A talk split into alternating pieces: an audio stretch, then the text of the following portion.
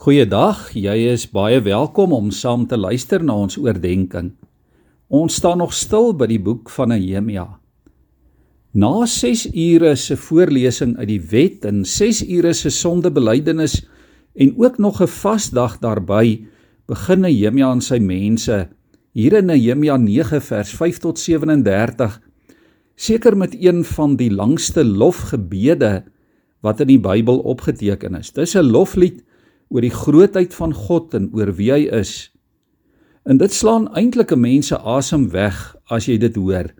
Dit vul jou met dankbaarheid as jy hoor hoe dat die Here met sy mense werk, hoe hy weer en weer uitkoms vir hulle gee en genade bewys, hoe hy altyd weer vergewe en red en hoe dat sy geduld en genade en barmhartigheid net eenvoudig nooit opraak nie.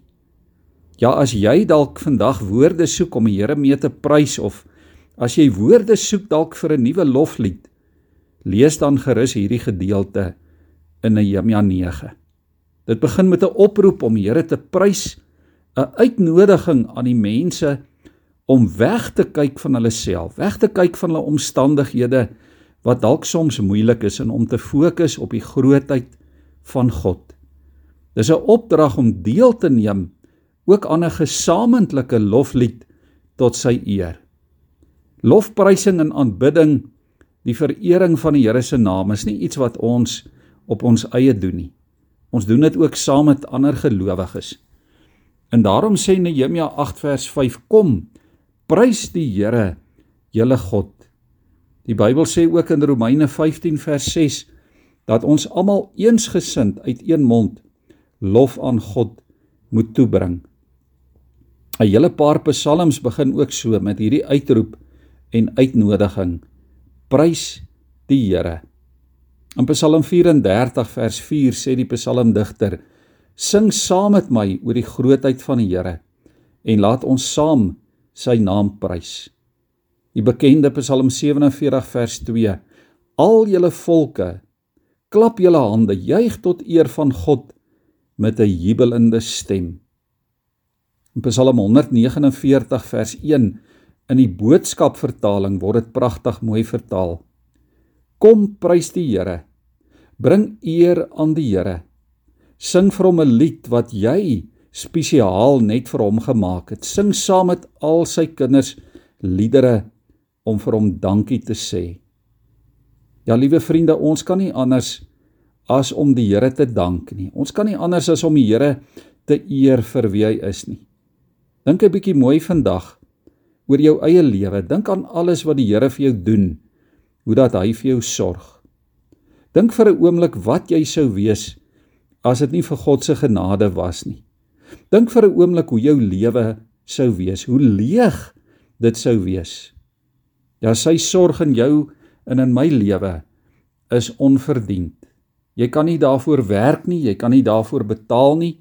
Jy kan hom net daarvoor eer en dank ook wanneer jy gehoorsaam voor hom lewe.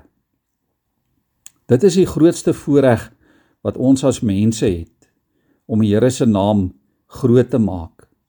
En daarom sal dit wonderlik wees as ons ook vandag jy en ek in alles wat ons doen bewus kan bly van sy teenwoordigheid by ons. Ja laat die Heilige Gees vandag toe om jou elke nou en dan en oral in alles te herinner aan God en om sy goedheid rondom jou raak te sien. Hy's oral teenwoordig en betrokke. Ons hoef nie ver na die Here te soek nie.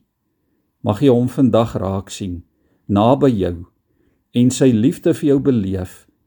En mag jou hart jubel en jou lippe juig in aanbidding voor sy heerlikheid. Ons is die kroon van sy skepping. Deur Jesus Christus is jy en ek sy kinders. Ons kan nie anders as om sy naam te verheerlik en om hom te aanbid nie. Kom ons buig so saam in aanbidding voor die Here. Here, ons wil ook vandag soos die digter van Psalm 149 kom en sê prys die Here. Ons wil eer bring aan U Here. Ons wil ook liedere sing wat ons spesiaal net vir U sing, Here. Ons wil ander oproep, ander kinders van die Here om saam met ons lofliedere te sing en vir U dankie te sê. Here, ons het soveel redes want U sorg vir ons. U doen meer, Here, as wat ons ooit kan verdien. U stuur vir ons U seun as verlosser.